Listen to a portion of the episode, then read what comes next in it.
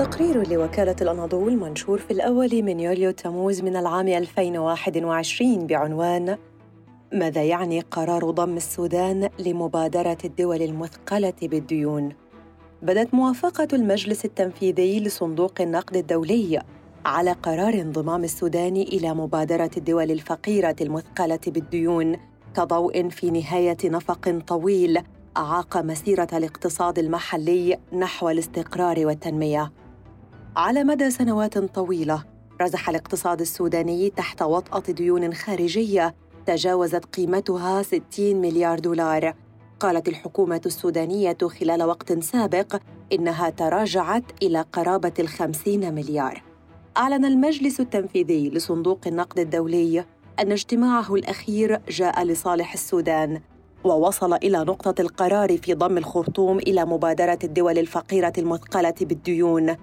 أورد بيان للصندوق كذلك تقديم تسهيل ائتماني ممتد للسودان بقيمة 2.5 مليار دولار مدته 39 شهراً تقدم في هيئة منح وقروض منخفضة الفائدة. مبادرة الهيبك عبارة عن اتفاق بين جهات الإقراض الدولية الرئيسية أطلق في العام 1996 ينص على منح فرصة بداية جديدة للبلدان التي تكافح لتجد مخرجاً. من خلاله تستطيع أن تخفض أعباء ديونها التي تثقل كاهلها.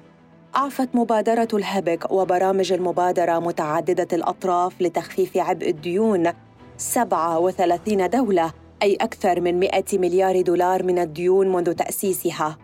وبدت ديون السودان تتضخم منذ سبعينيات القرن الماضي. بعد أن لجأت الحكومة السودانية إلى الاقتراض من الصناديق الدولية والدول المتقدمة لسد العجز الدائم في الإيرادات العامة تعطل الديون الخارجية حصول السودان على أي مساعدات مالية من قبل المؤسسات الدولية وفي مقدمتها البنك وصندوق النقد الدوليين. في منتصف ثمانينيات القرن الماضي حرم السودان من تلقي أي منح أو قروض دولية واكتفت المؤسسات الدولية بالمساعدات الفنية في مجال الخدمات. وخلال العام الجاري حصل السودان على قروض لإطفاء ديون مستحقة لصالح البنك الدولي وصندوق النقد الدولي والبنك الإفريقي للتنمية للإيفاء بشروط الانضمام إلى الهيبك.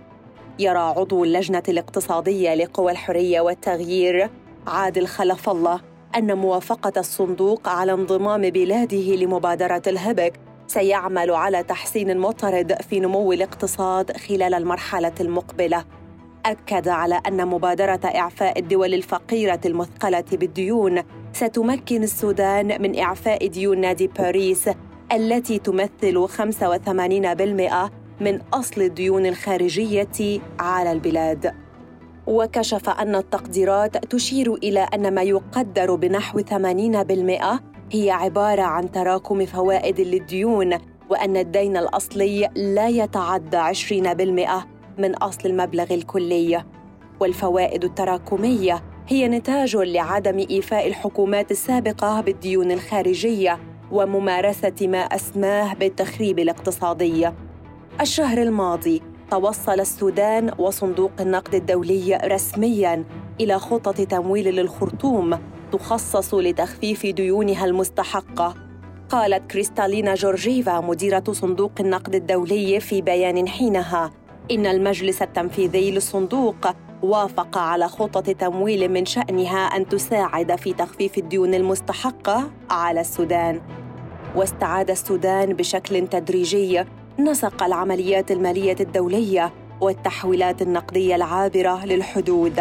بعد رفع اسمه من قائمة الدول الراعية للإرهاب الأمريكية نهاية العام الماضي.